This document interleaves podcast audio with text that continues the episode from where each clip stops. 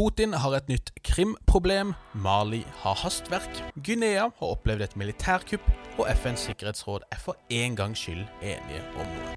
Dette er Hva skjer med verden?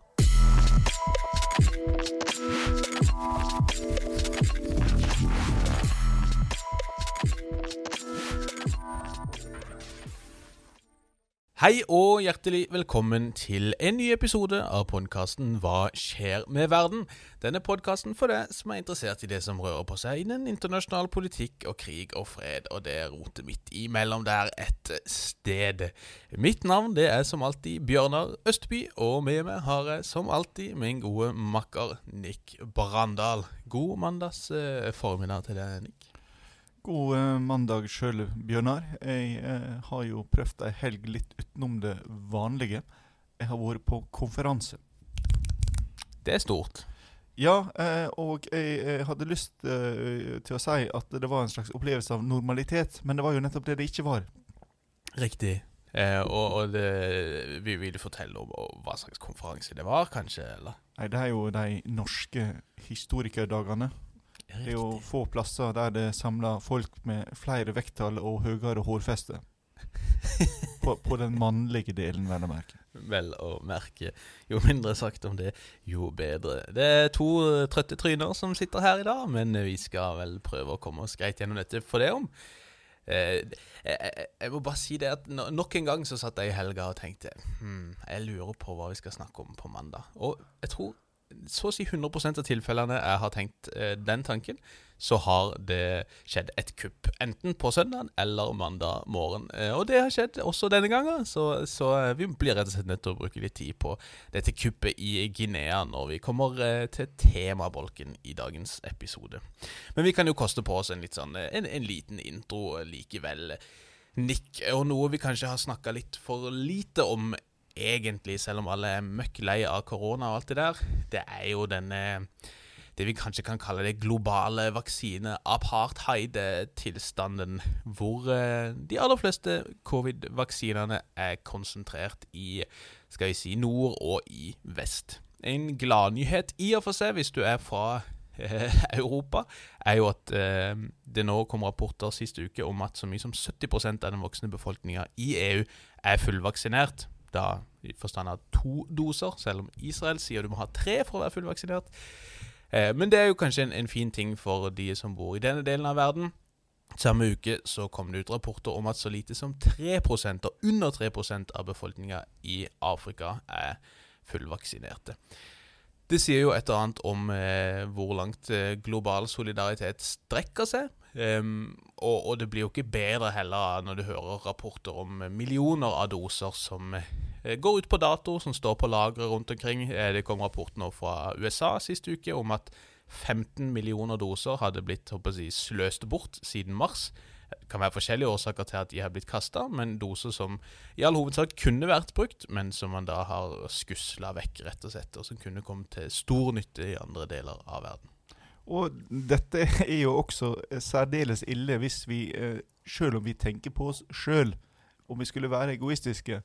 Fordi eh, skrekkscenarioet nå er hva skjer hvis dette viruset begynner å svekke seg sør for Sahara, der du har ganske mange som lever med aids, og de har svekka immunforsvar. Dette er idealtilstand for dette viruset å mutere til nye eh, versjoner, som gjør at de vaksinene vi har, blir ubrukelige. Ja, man snakker jo allerede om en mu- eller my-versjon eh, i Colombia, som dominerer der, som man ikke ennå vet eh, om, om vaksinene kan håndtere. Eh, så, så Altså, om, om man så tenker at egeninteresse bør råde, så er det jo i aller høyeste grad i vår interesse å fordele disse vaksinene internasjonalt. Det har jo Norge gjort til en viss grad, og skal jo for så vidt ha, ha kred for det, selv om vi eh, har greid å få karakter ganske så mye til oss sjøl. Og når vi snakker om fordeling, så har jo det britiske kongehuset vært, eh, vist seg å være ganske villig til å, å fordele godene her. Ja, fortell. Nei, eh, britiske aviser har nemlig fått tak i e-poster mellom den saudiske forretningsmannen Mavus Marai Mubarak bin Mahfouz og prins Charles. Det vil si mellom han og prins Charles sine rådgivere. Eh, det viser seg at eh, siden Mahfouz begynte å kontakte prins Charles i 2011, så har han kunnet kjøpe seg både en Order of the British Empire, eller OBE, britisk statsborgerskap med sterk støtte fra kongehuset, og til slutt da Commander of the British Empire. Det meste kan med andre ord kjøpes for penger, Nick.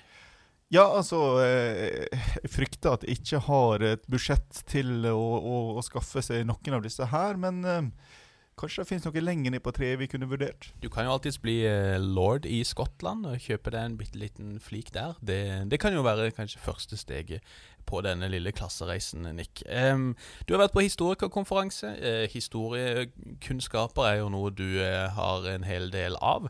Men en annen som kanskje ikke vet uh, helt nok, det er Vladimir Putin. Ja, og, og, og det er jo litt rart med tanke på at Putin visstnok veit alt. Ingen kan jo noe som helst bedre enn han. Men nå eh, var han på besøk på en skole i den eh, tidligere Gulag-byen Vorkuta i, eh, langt øst i Sibir. Eh, og uh, der skulle jo han da demonstrere sine enorme historiekunnskaper overfor uh, elevene på, på, den skolen han besøkte. Problemet var bare at i ei lengre utlegning av historiske sammenhenger så rota han sammen sjuårskrigen og den store nordiske krigen. Nei, nei, nei, nei, nei. Ja, og til, det, klart, det, det, var jo liksom bare sånn 50 år mellom disse her på 1700-tallet, så, så, OK, det er en feil kanskje flere av oss kunne gjort, men uh, For de som i det hele tatt har hørt om de krigene, det er jo ikke alle som har det heller. Nei, dette, dette, er jo viktige, noen av de viktige krigene som uh, fører fram til, uh, til, den verden vi har i dag. Men, mm. men en av de som la merke til disse uh, feilene, var jo da en av elevene som litt sånn veldig forsiktig liksom bare rista litt på hodet og så litt sånn ubekymra ut. Og så Putin lurte på hva det var. og han fikk jo da fortalt at du, du gjorde dessverre en feil her. Og så lo de jo. De, de, kunne jo le litt av det der, men, men dette ble jo en sånn der eh, sensasjon i, i, Russland. Fordi det er ikke ofte noen tør å si til Putin at du tar feil. Men her så har vi en ny ledestjerne kanskje for den russiske opposisjonen. Ja, så um, nå er han jo allerede plassert i Sibir, så jeg vet ikke hvor de kan sende han. Og med det så tror jeg vi skal starte på vår litt mer seriøse oppsummering av uka som var.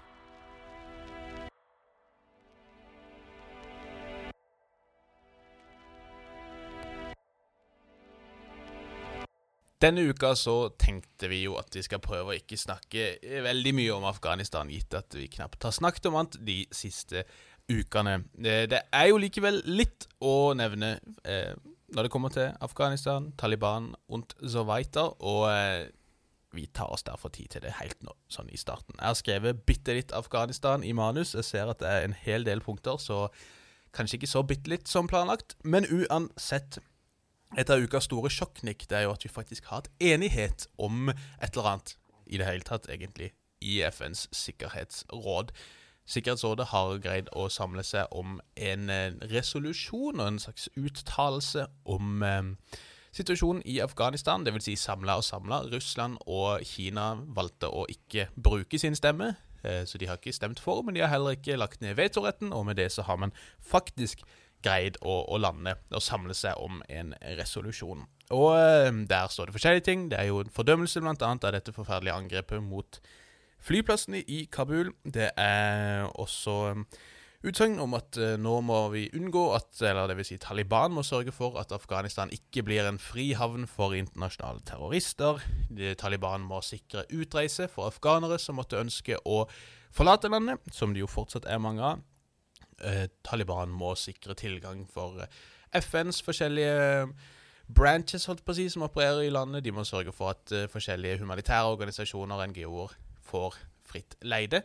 Og så sier Sikkerhetsrådet også at vi minner om de menneskerettslige forpliktelsene til Taliban og forventer at de overholdes, også når det gjelder kvinner, barn og minoriteter. Og etter det jeg har skjønt, så ble også kvinners rett til politisk deltakelse faktisk eksplisitt nevnt, selv om det ikke var med i en av de et de første utkastene. Etter det jeg har sett, så er det visstnok Mexico og Irland som har pusha på det.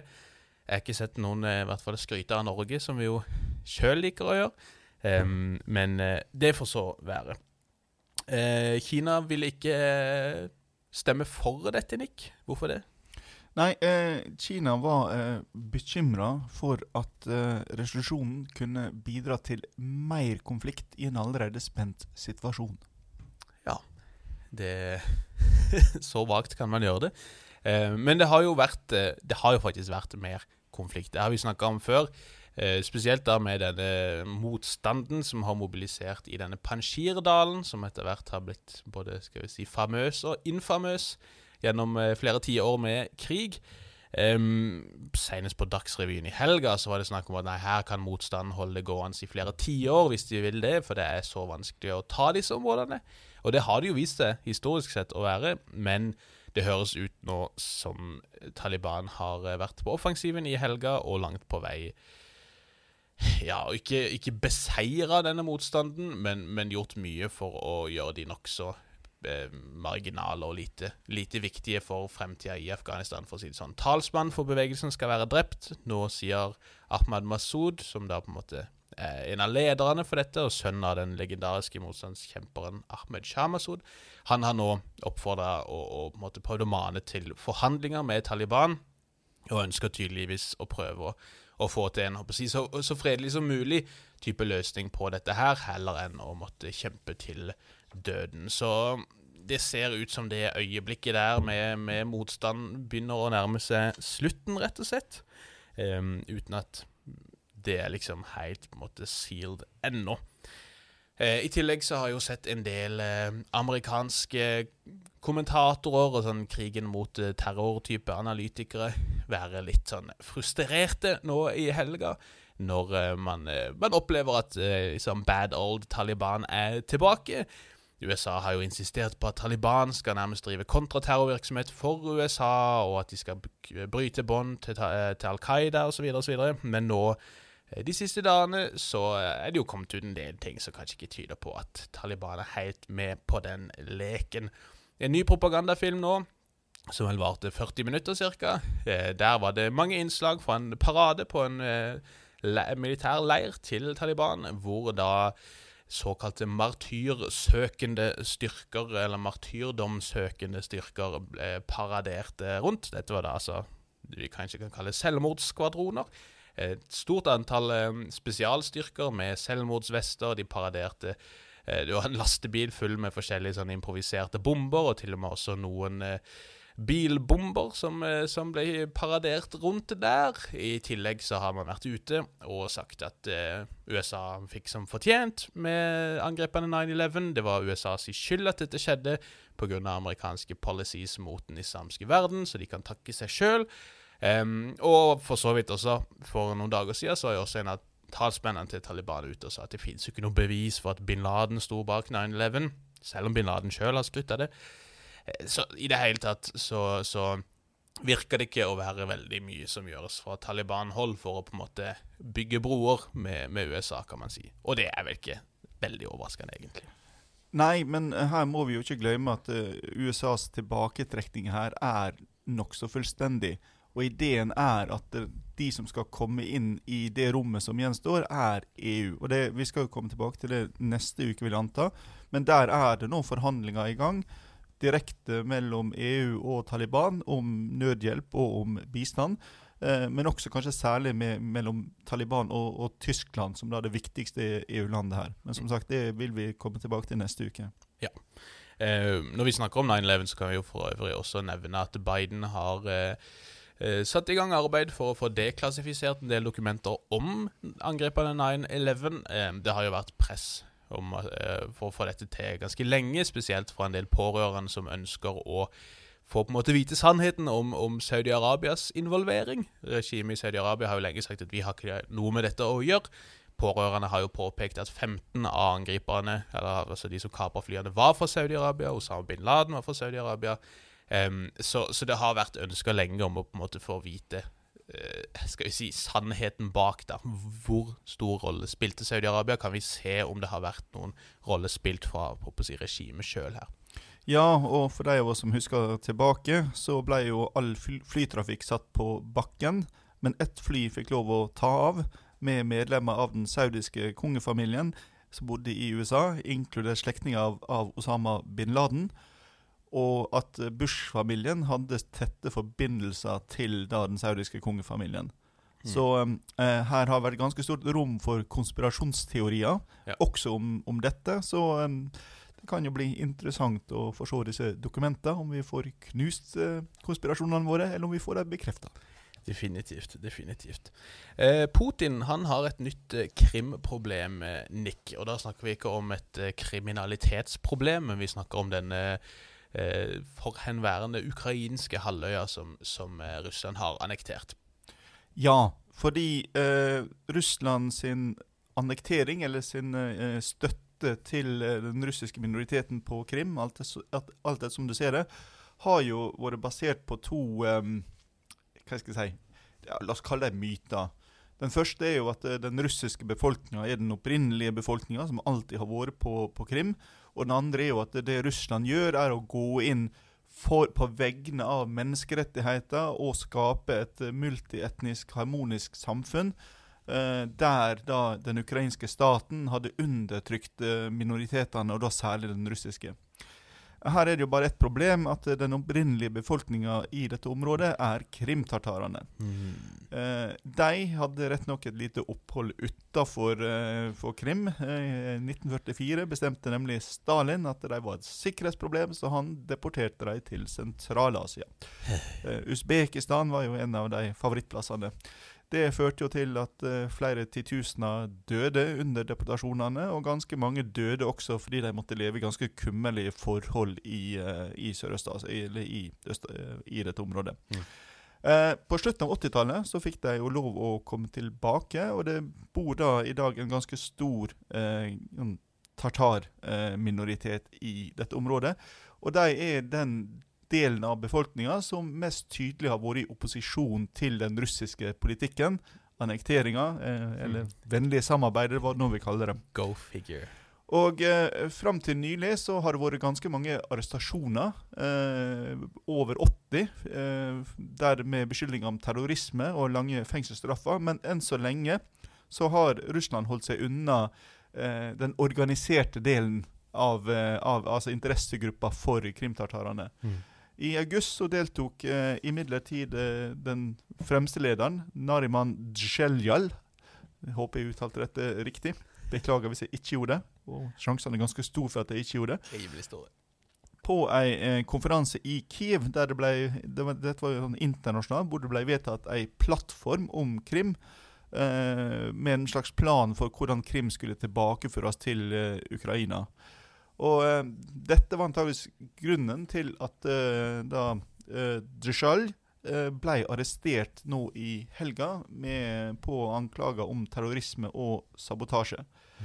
Og dette utløste jo da demonstrasjoner foran um, sikkerhetstjenesten FSB sitt hovedkvarter i, i Simferopol. Og eh, det, det er ei es eskalering opp av eh, de indre konfliktene på Krim mell mellom russerne og da eh, krimtartarene. Mm.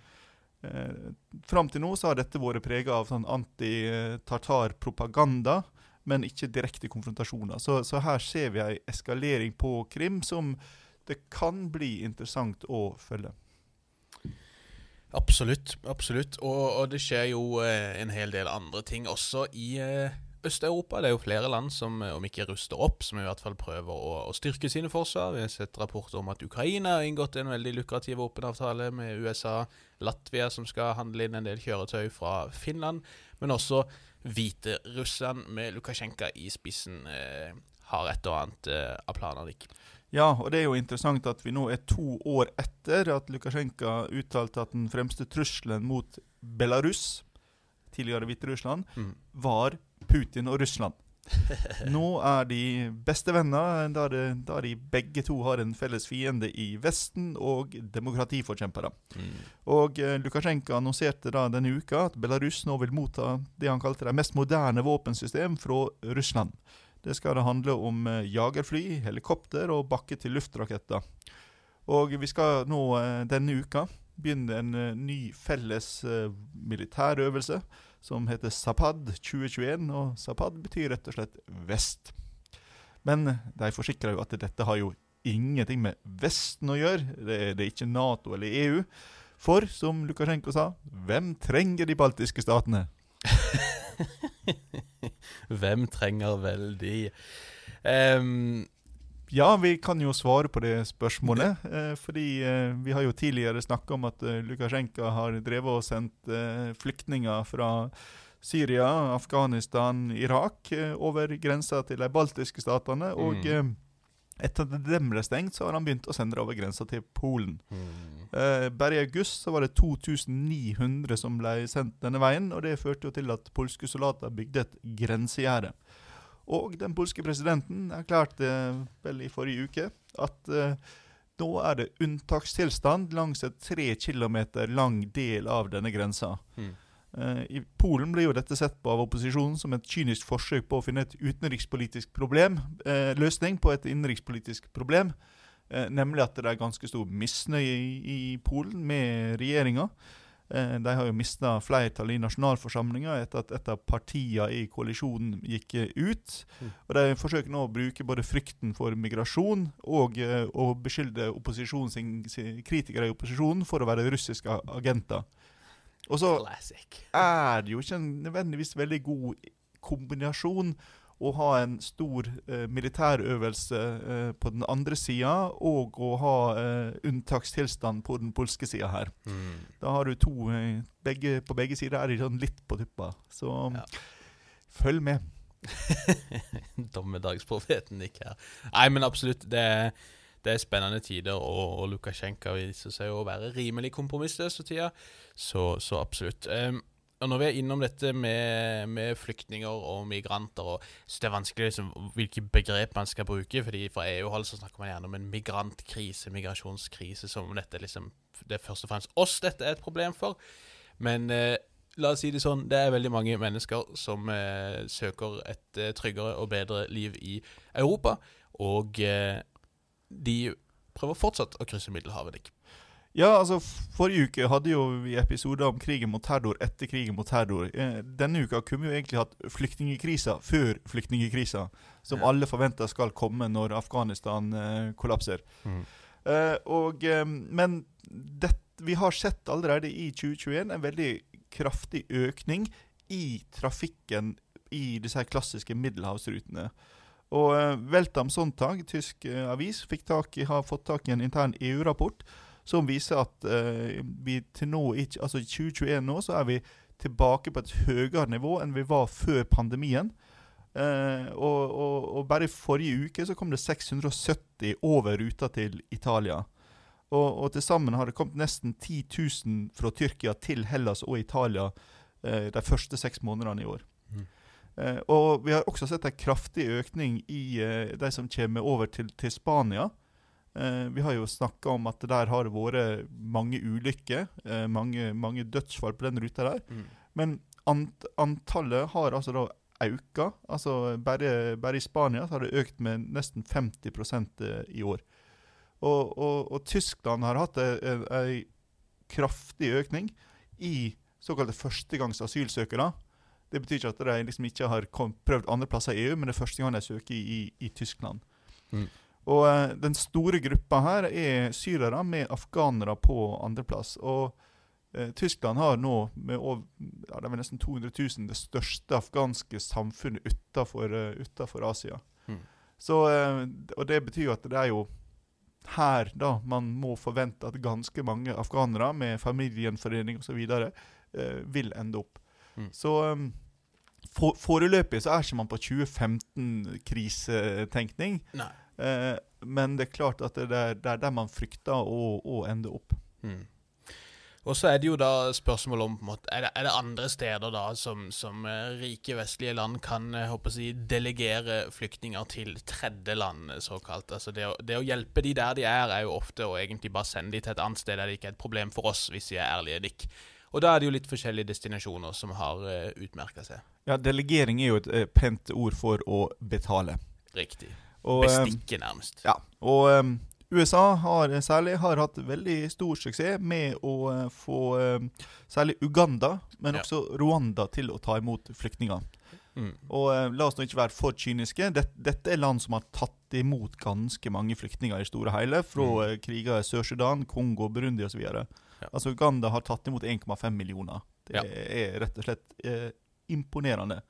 Rett og slett. Og så, så er det jo så klart en del altså, som påpeker at Joveri Museveni er en, eh, en eh, Du kan si mye om han, men jeg tror vi nevnte det for noen uker siden også. Han vet veldig godt hvordan han skal få eh, godvilje fra vestlig hold, og, og, eh, og dette er én måte å gjøre det på, ved å også da ta imot afghanske flyktninger. Men som du sier, det er skyhøye tall, og, og det, det skal de ha ros for, tenker jeg. Selv om forholdene for disse flyktningene ofte er, er ganske kummerlige. Men det som skulle være det lysende fyrtårnet i det sørlige Afrika Sør-Afrika har nå sagt nei, vi tar ikke imot en eneste flyktning fra Afghanistan, Mm. uansett hvor mye dere betaler oss. Ja. De vil heller at eh, Pakistan skal eh, ta imot, eh, og at det er der alle bør sendes som dukker opp andre plasser. Mm. Vel, i fjor tok Pakistan imot 1,5 millioner eh, afghanere.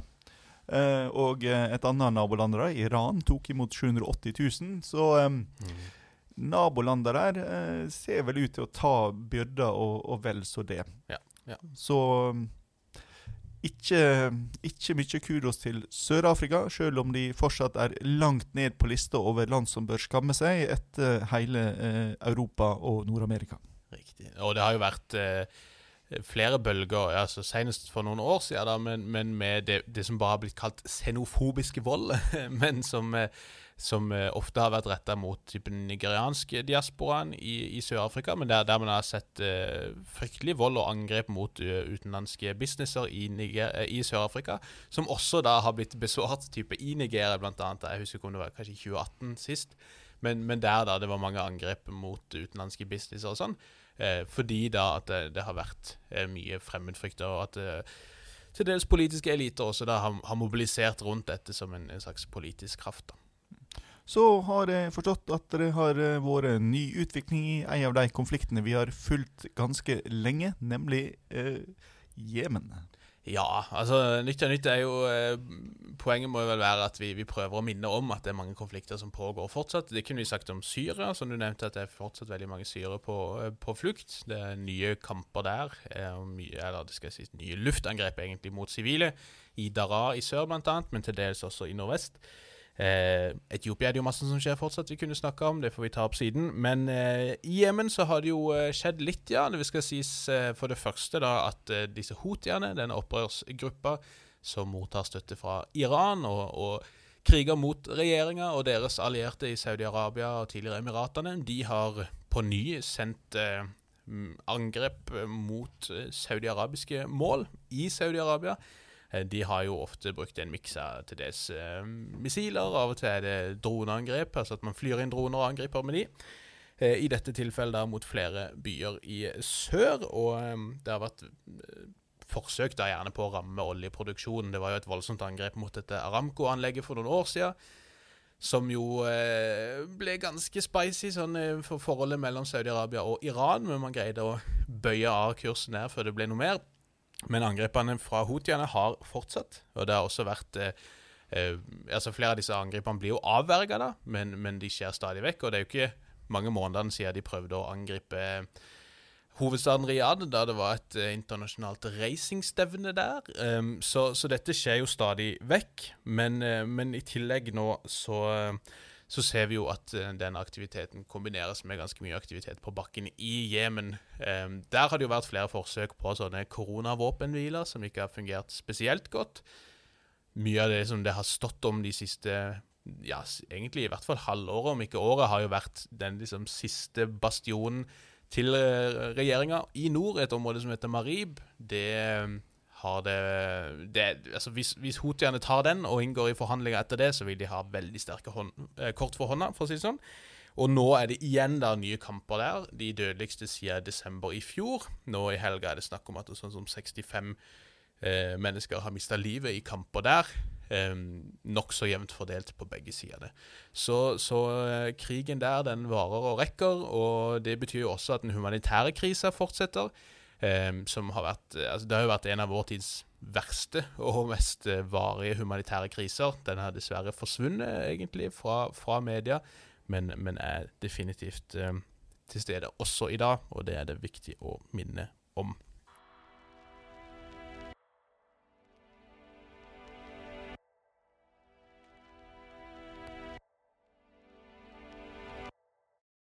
Som vi nevnte innledningsvis, så er det jo ofte sånn at eh, vi lurer på hva vi skal snakke om, og så er det noen eh, soldater et eller annet sted i verden som eh, disker opp med et aldri så lite kupnikk.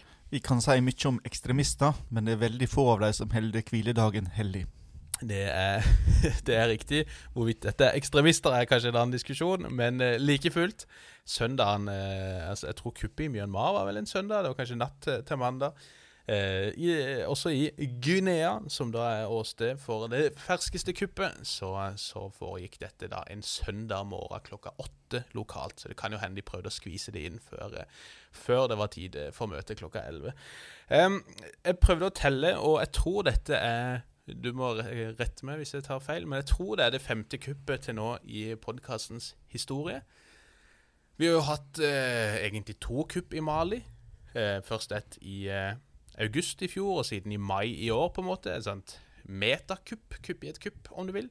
Vi har hatt kupp i Myanmar. Vi har hatt eh, kupp i Tsjad, selv om det er litt sånn definisjonsspørsmål. Men i, i, i, praksis så er det jo egentlig et kupp. At um, Deby, den eldre, ble drept. Sønnen hans tok makta, der egentlig en, uh, lederen av parlamentet skulle hatt makta. Og, og senest nå da i Guinea. Ja. Og Vi er jo ikke demokratiforskere, men eh, vi deler kontor med demokratiforskere. Og vår kollega Jonas Dreige kan da fortelle oss at kupp er blitt mer og mer uvanlig. Altså Når demokratiske regimer går under, så er det ofte gjennom det ordet vi har nevnt tidligere, democratic backsliding. Altså at det går sånn sakte undergravende. Mm. Mens liksom disse klassiske gamle kuppa, militærkupp, nesten har forsvunnet. Men vi ser altså nå en økning som er et interessant fenomen i seg sjøl. Ja, og så, så, kan vi jo diskutere liksom, hvor, hvor, mye må til før dette blir en trend. Men, eh, men vi kan snakke litt om det til, til slutt. Men, men det, det begynner jo å bli noen eksempler nå på kupp som på en måte overlever eller slipper unna og ikke får store konsekvenser. Og det, den signaleffekten det kan ha på, på, militære eliter i andre land, den er ikke helt heldig, hvis man ser at her settes det en presedens hvor man kan komme unna med det. Men vi, vi, kan jo kort prøve å bare gi litt oversikt over det som har skjedd. Det er jo ikke veldig mye som eh, har kommet ut egentlig ennå av info om, eh, om angrepene, om kuppet som var. Men eh, det vi vet, er at eh, dagen starta med sporadisk eh, skyting i nærheten av presidentpalasset i Conakry, hovedstaden i Guinea, i går morges. Og så tok det ikke så lang tid før det kom ut eh, filmer eh, med da noen eh, elitesoldater som satt rundt eh, den da egentlig sittende president Alfa Conde. Som da satt i eh, dongeribukse og en litt sånn fargerik skjorte på en sofa, og så heller resignerte ut. Eh, på den første filmen her så så blir han spurt om liksom, har vi rørt et uh, hår på hodet ditt. Si, som om liksom, Fortell verden hvor skånsomme vi har vært i møte med det. Han sa ingenting, og det, det så på en måte ut som han han var innforstått med, med at uh, nå er hans uh, tid som president uh, slutt. 83 år gammel mener jeg på at han er. Han har sittet med makta lenge. Og har jo etter hvert blitt ganske upopulær. Så når vi snakker om dette med democratic backsliding, så kan jo det komme innenfra ofte. ikke sant? Og, og Alfa Condé hadde da sittet to perioder. Han sørga for å endre Grunnloven slik at han kunne sitte til valg for en tredje periode.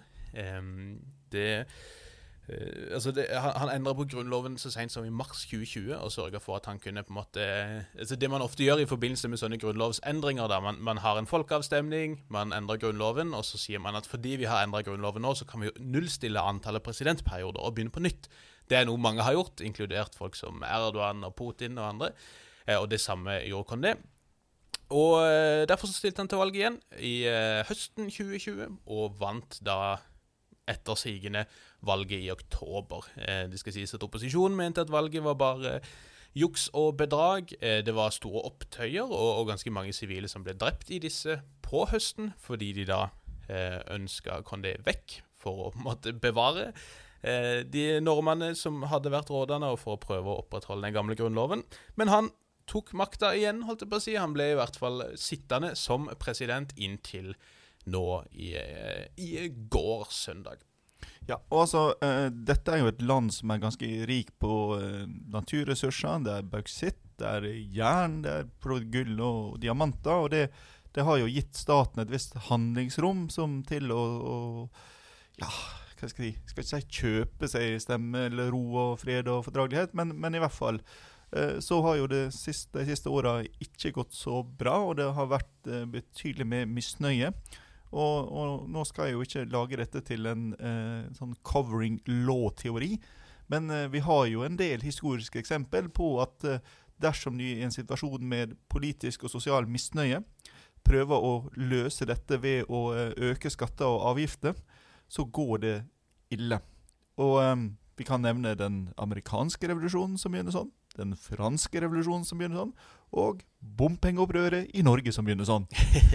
eh, og eh, dette var jo det som nå da hadde skjedd eh, i eh, Guinea også. De hadde rett og slett øka skattene, og eh, bensinprisene hadde gått til himmels. Mm. Og eh, så forstår jeg at det også da hadde vært en litt uheldig sparking av offiserer og lignende.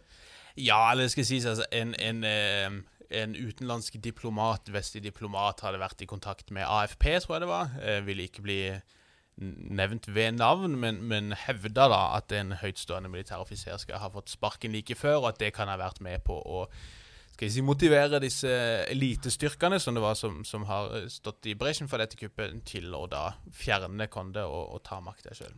Og som alltid når det går ille i Afrika, så er jo Frankrike på en eller annen måte involvert, og denne gangen i form av en tidligere fremmedlegionær.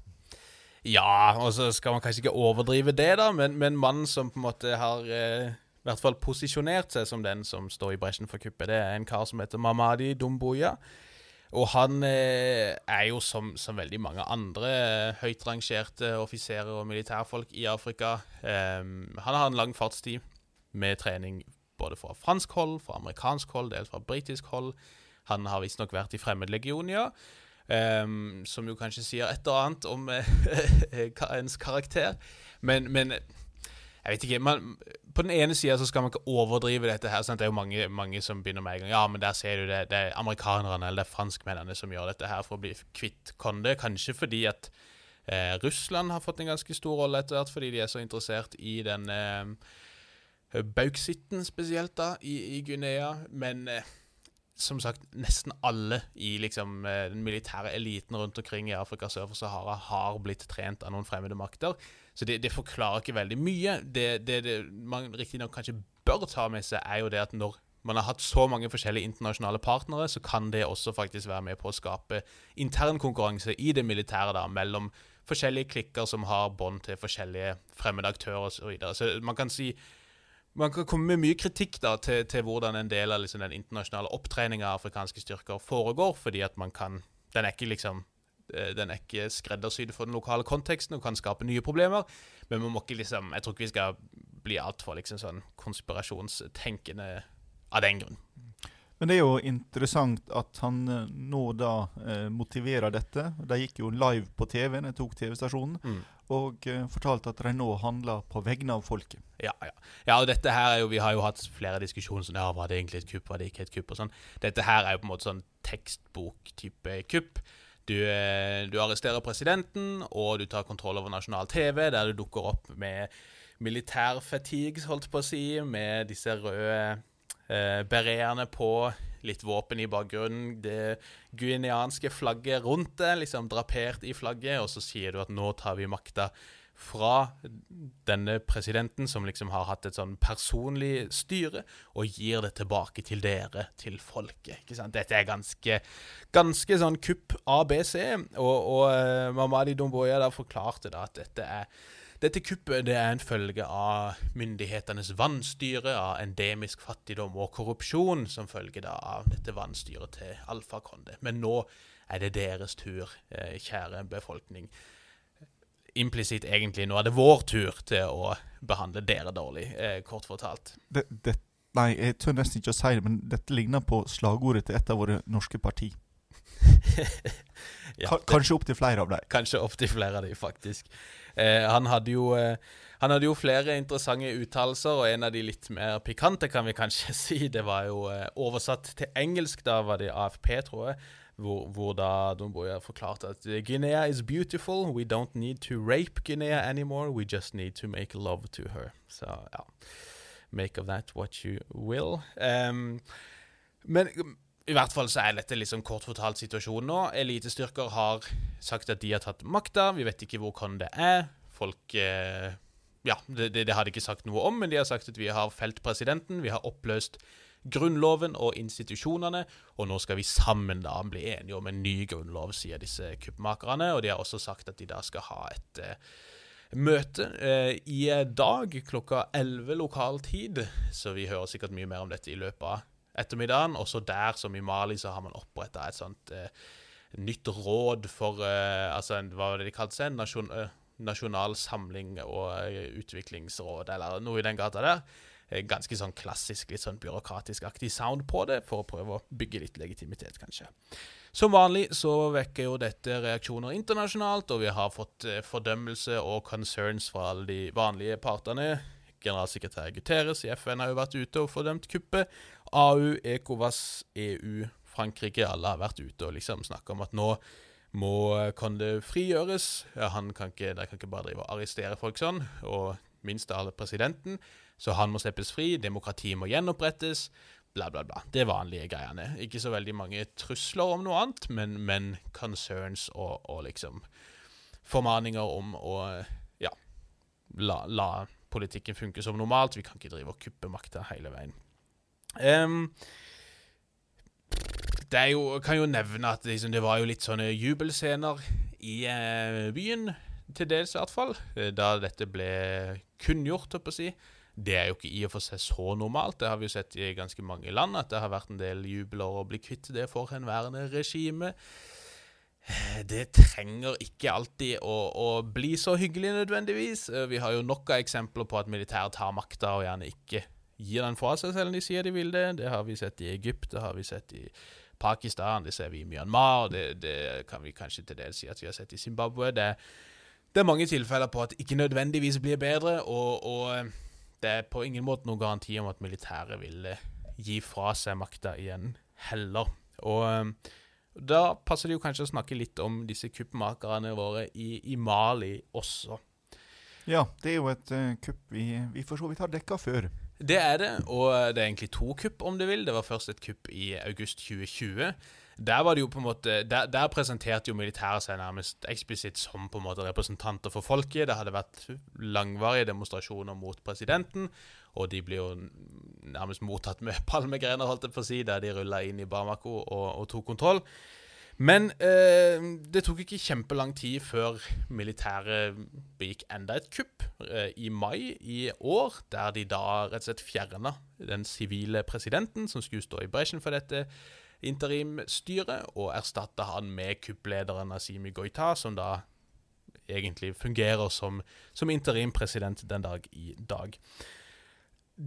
Kuppmakerne i Mali er jo et sånn typisk eksempel på hvordan kupplederne gjerne da sier at ja, ja, men bare, bare gi oss litt tid, så skal vi sørge for dette, vi skal sørge for dette, og slappe av, liksom. Eh, Normaliteten skal gjenopprettes veldig snart. Og de har jo en rekke ganger lova at de vil håper gjenopprette det sivile styret i landet, og de har sagt at de skal gjøre det innen 18 måneder.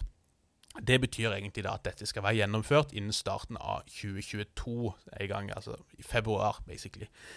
Og nå begynner de å få ganske dårlig tid, for eh, etter planen så skulle de først hatt en folkeavstemning om eh, en ny grunnlov, eller i hvert fall en grunnlovsendringer, i slutten av oktober, men det har ikke kommet noe forslag ennå til grunnlov som skal endres. Og Deretter skulle man holdt lokale og regionale valg i eh, slutten av desember. Det begynner å haste veldig å få det på beina. Og så skal man etter planen da ha et nytt valg av si, regjering og president da i slutten av februar 2022. Flere og flere er jo bekymra over at dette her ikke kommer til å skje. De har i hvert fall veldig dårlig tid med å få arrangert og lagt til rette for disse valgene. Eh, man frykter jo at man til slutt bare dropper det, eller at man, man, liksom utsetter det på ubestemt tid, eller at man etter hvert bare setter inn et nytt styre og sier nå er et sivilt styre på plass, vær så god, eh, men fortsetter å styre bak kulissene. Det er mange scenarioer. Enn så lenge så, så begynner de å få ganske så, så dårlig tid i Mali. Og, og, det er jo her vi kanskje kan avslutte litt da med at dette er det hvis, hvis, vi tar med kuppet, liksom, det interne kuppet, kan vi si, da, i Mali i eh, vår, så har vi jo egentlig da hatt tre kupp i Afrika på fem-seks måneder. I da Mali, det andre kuppet der, eh, eller det metakuppet. Kuppet i eh, Tsjad, som ser mindre ut som et kupp fordi at håper å si, dynastiet til Deby-familien overlever, men man har egentlig da overstyrt grunnloven, og dette siste i Guinea. Og, og det, det, som er litt urovekkende, er jo at både i Mali og i Tsjad så har man jo langt på vei egentlig sluppet unna. Det har ikke vært veldig, veldig dramatiske internasjonale sanksjoner, egentlig. Litt nok fordi at både Tsjad og Mali ses for å være veldig viktige partnere i krigen mot terror for både USA og spesielt Frankrike, og har vært det i mange år. Eh, man har mange styrker utplassert i disse landene. Det er tett forsvarssamarbeid med disse militærene som har stått i bresjen for eh, Eller som har faktisk gjennomført disse kuppene. Eh, så det er ikke bare bare fra vestlig hold å skulle dømme disse nord og ned og kutte alle bånd. Det, det, har jo ikke skjedd. og det virker jo litt sånn om du bare kan komme med noen ganske vage løfter om at sivilt styre skal komme tilbake, vi skal bli enige om en ny grunnlov, eh, sikkerhetssamarbeid vil fortsette osv., så, videre, så så kan du slippe unna de verste sanksjonene, og potensielt da faktisk overleve denne liksom eh, farlige fasen de første, første år eller to. Eh, og, og, hvis det viser seg å, å bli tilfeller også litt på lengre sikt, så er det nok ganske mange frustrerte offiserer rundt omkring, ikke bare i en afrikansk kontekst, men kanskje spesielt der, som tenker at OK, vi, eh, vi, tar hintet, håper jeg. Dette signalet forstår vi, og kanskje vil man se nye, nye kupp eh, gjennomført i den nærmeste tida. Jeg ser jo mange spår liksom de heteste kandidatene da vil være land som Burkina Faso, f.eks., der sikkerhetssituasjonen er veldig, veldig skjør etter hvert, i et land som tradisjonelt har vært kjent for å være stabilt og forholdsvis fungerende. Etiopia er en annen ganske het kandidat. Vi skal ikke spekulere altfor mye i det, men, men, hvis du ser på disse tre siste kuppene som har vært, så, så kan en godt forstå om folk tenker at her kan vi faktisk slippe unna med å prøve oss på noe lignende. Ja, og um, vi um, kunne jo ha snakka mye om uh, Joe Bidens uh, store Afghanistan-tale, der han la ut noen premiss for den uh, nye utenrikspolitikken. Det skal vi helt sikkert komme tilbake til. Mm. Men hvis vi skal liksom, lage et sånn fryktscenario, altså worst case, som du trekker ut av den, er at det, eh, han, det han snakker om, om en utenrikspolitikk basert på verdier og ideal, eh, gjelder bare for landene i Vesten. Mens utafor Vesten så handler det om å uh, sikre stabile herskere som vil samarbeide i kampen mot terror og i forsøka på å balansere særlig Kina uh, og til dels Russland. Mm. Og at man da er tilbake til den linja som ble gjort berømt av eh, FN-ambassadør Sheila Fitzpatrick i 1976, om eh, det var vel Pinochet, at uh, he might be a bastard, but he's our bastard. Mm. Altså at de faktisk vil støtte denne type kuppledere og støtte autoritære regimer, så lenge de da bidrar i denne alliansen mot terror og Kina. Ja, og det hadde vært lett for Mali og Tsjad å frame seg som, liksom. Altså, De vet at langt på vei så Eller altså, ikke egentlig, men, men i vestlige huer, holdt på å si, så trenger USA og Frankrike Mali og Tsjad mer enn Mali og Tsjad trenger Frankrike og USA i krigen mot terror. Jeg tror i hvert fall en del amerikanske og franske eliter kan kan havne der, håper jeg, fordi at de er så obsesst med å, å kjempe mot disse jihadistene i Sahel. Um, det kan nok Burkina Faso også spille på etter hvert, hvis hæren tar kontroll og sier at vi, nå må vi faktisk styre sjøl fordi sikkerhetssituasjonen har blitt så prekær. Um, det, det settes ikke utenkelig at et sånt scenario vil, vil uh, bli en realitet. Og uh, så vi, vi, bør ikke starte den diskusjonen, men amerikanske eliter, utenrikspolitiske eliter, når de sier at denne personen sikrer stabilitet, så, så er antageligvis det motsatte tilfellet. Det er så mange forferdelige typer som USA og Frankrike for så vidt har støtta opp igjennom Pga. deres eh, stabilitetshensyn, som har ført til alt annet enn stabilitet, både nasjonalt for så vidt, og, og regionalt. Idris Deby, som jo døde tidligere i år, er jo et godt eksempel, som, som liksom Frankrike har vært eh, tett alliert med, med Tsjadda, fordi at de liksom skal sørge for stabilitet i regionen. De har jo sørga for alt annet enn stabilitet, og påvirka situasjonen i Sudan, Sør-Sudan, Sentralafrikansk republikk, Libya. Kagame, Paul Kagame snakkes jo ofte som, som en veldig viktig mann som har holdt eh, Rwanda stabilt, men han har jo gjort veldig mye for å sørge for at resten av regionen ikke har vært stabil, for å si det sånn, med mange eventyr i eh, Kongo, som har gått på den kongolesiske befolkningas eh, bekostning. Eh, det samme kan vi si om, om mange andre typer også. Og, og, hvis vi går tilbake til den virkeligheten der, da, så, så, er ikke det i hvert fall bra for menneskerettighetenes eh, Eh, verdi fremover, for å si det sånn. Ja, og uten å gjøre ei én-til-én-sammenligning, så kan USAs posisjonering nå til forveksling minne om Storbritannias eh, etter napoleonskrigene. Hvor de på den ene sida har et, et, liberalt språk mm. eh, de snakker om, eh, mot autoritære regimer i, i, øst. Men hvor de, deres praksis handler om å, å prøve å skape maktbalanse eh, hvor eh, ideene var, var underordna det å, å, å, sikre britiske interesser.